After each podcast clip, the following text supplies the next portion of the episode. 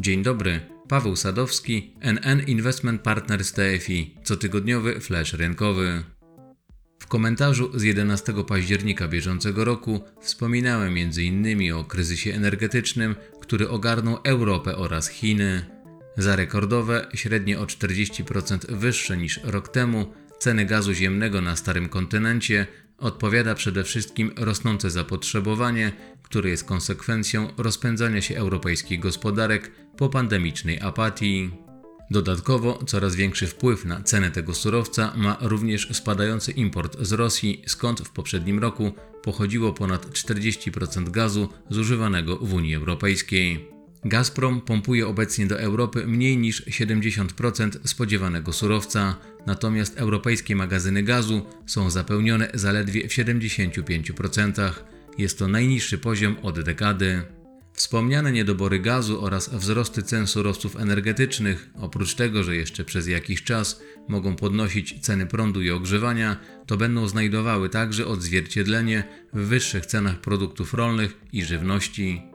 Wysokie ceny gazu w Europie duszą branżę i sprawiają, że produkcja amoniaku i nawozów staje się nieopłacalna, alarmuje Stowarzyszenie Europejskich Producentów Nawozów. Część wytwórców z Europy ogłosiła tymczasowe ograniczenie produkcji amoniaku i nawozów lub nawet całkowite zamknięcie fabryk do czasu uspokojenia sytuacji na rynku. Jeśli takie uwarunkowania będą się przedłużać, to doprowadzi to do zmniejszenia produkcji nawozów i sprawi, że rynek będzie się dalej kurczył, co może wpłynąć na niższe plony w przyszłym roku, a to z kolei przełoży się na wzrost cen surowców rolnych i żywności. Ponieważ gaz ziemny jest kluczowym składnikiem wyrobu nawozów azotowych, stanowi nawet ponad 70% kosztów produkcji, to dlatego rekordowe ceny tego surowca tak mocno negatywnie wpływają na branżę nawozową i producentów rolnych. W okresie ostatnich 12 miesięcy cena gazu za megawattogodzinę wzrosła o ponad 500%. Jak to przełożyło się na wzrost cen nawozów? Dla przykładu, cena netto saletry amonowej wynosiła w czerwcu tego roku około 1200 zł za tonę, natomiast teraz kosztuje w okolicach 2700 zł za tonę. Sytuacja pozostaje napięta również na rynku pozostałych nawozów mineralnych. Jeżeli chodzi o ceny nawozów potasowych, to pozostają one pod wpływem sankcji ze strony USA i Unii Europejskiej, które zostały nałożone w tym roku na Białoruś, która jest jednym z największych producentów tych nawozów.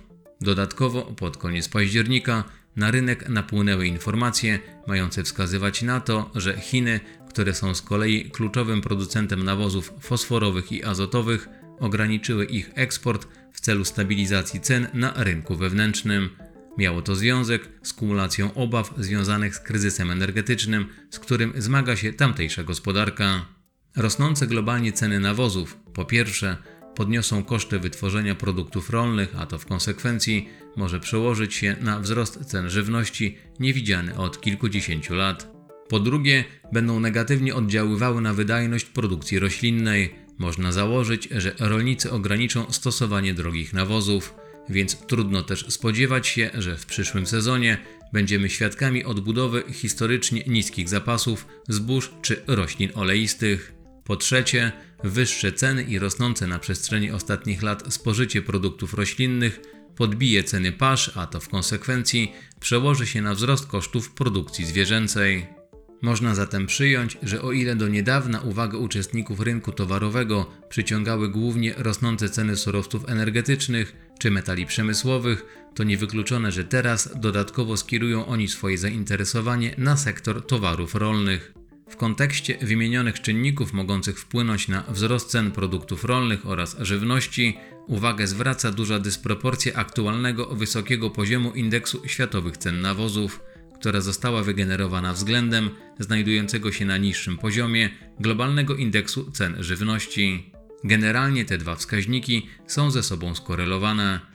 Podobną rozbieżność notowań możemy zaobserwować obecnie w przypadku wysokich cen amoniaku na tle zdecydowanie niżej wycenianego sektora surowców rolnych. W przypadku tych towarów zazwyczaj mamy również do czynienia z dużą współzależnością ich wycen.